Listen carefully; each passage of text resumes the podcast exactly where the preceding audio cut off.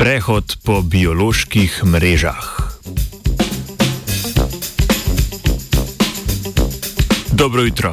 Delovanje organizmov temelji na molekulskih interakcijah zunaj in znotraj celic. O bolezenskem stanju lahko torej premišljujemo kot o spremembi mreže interakcij in o cilju zdravljenja kot o odpravljanju takšne spremembe.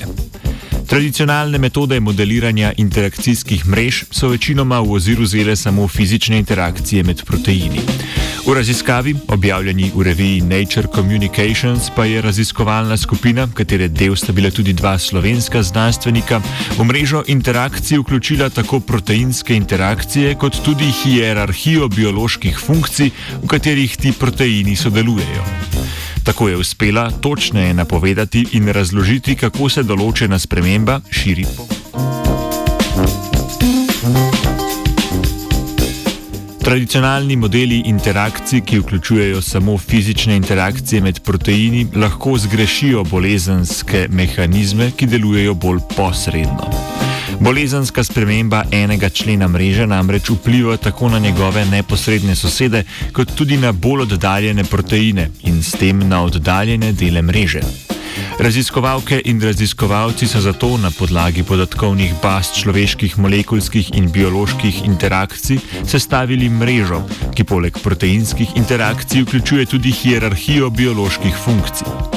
Mednje so vključili tako molekulske procese, denimo metilacijo DNK, celične procese, naprimer celični cikl, pa tudi procese na nivoju tkiv, organov in celotnega organizma. S pomočjo teh podatkov so želeli v model vključiti znanje o spremembah, ki jih bolezen povzroči na različnih nivojih organizma in ne samo na bližnjih proteinih.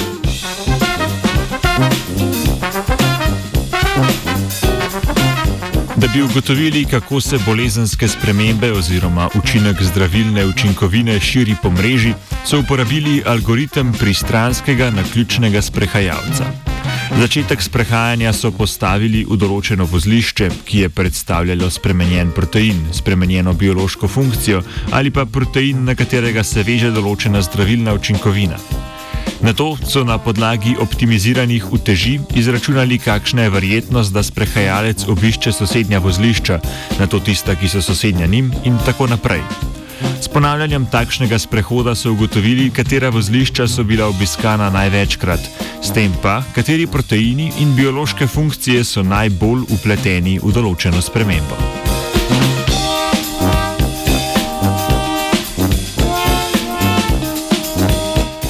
Pomočjo razvitega modela lahko točneje napovemo, katera zdravilna učinkovina bo uspešno zdravila določeno bolezensko stanje in sicer za kar 40 odstotkov bolje kot s predhodnimi modeli.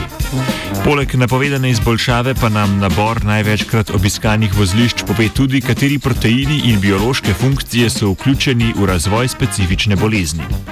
Na ta način nam model ponudi tudi razlago, kako so določene funkcije povezane s premembami na nivoju proteinov in obratno. Če razumemo, kako se interakcijska mreža spremeni, torej katera vozlišča in povezave imajo najpomembnejšo vlogo pri vzpostavitvi spremembe, lahko poskusimo takšno bolezensko spremembo odpraviti na več različnih nivojih.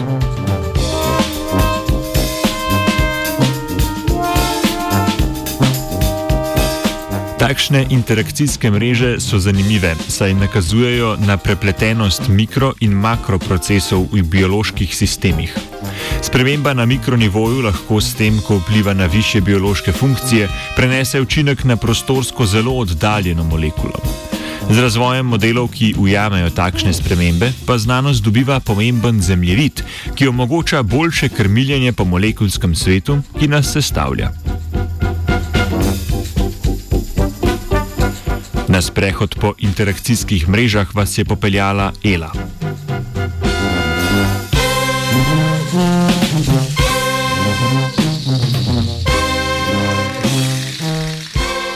Radio študent si najbolj črn radio.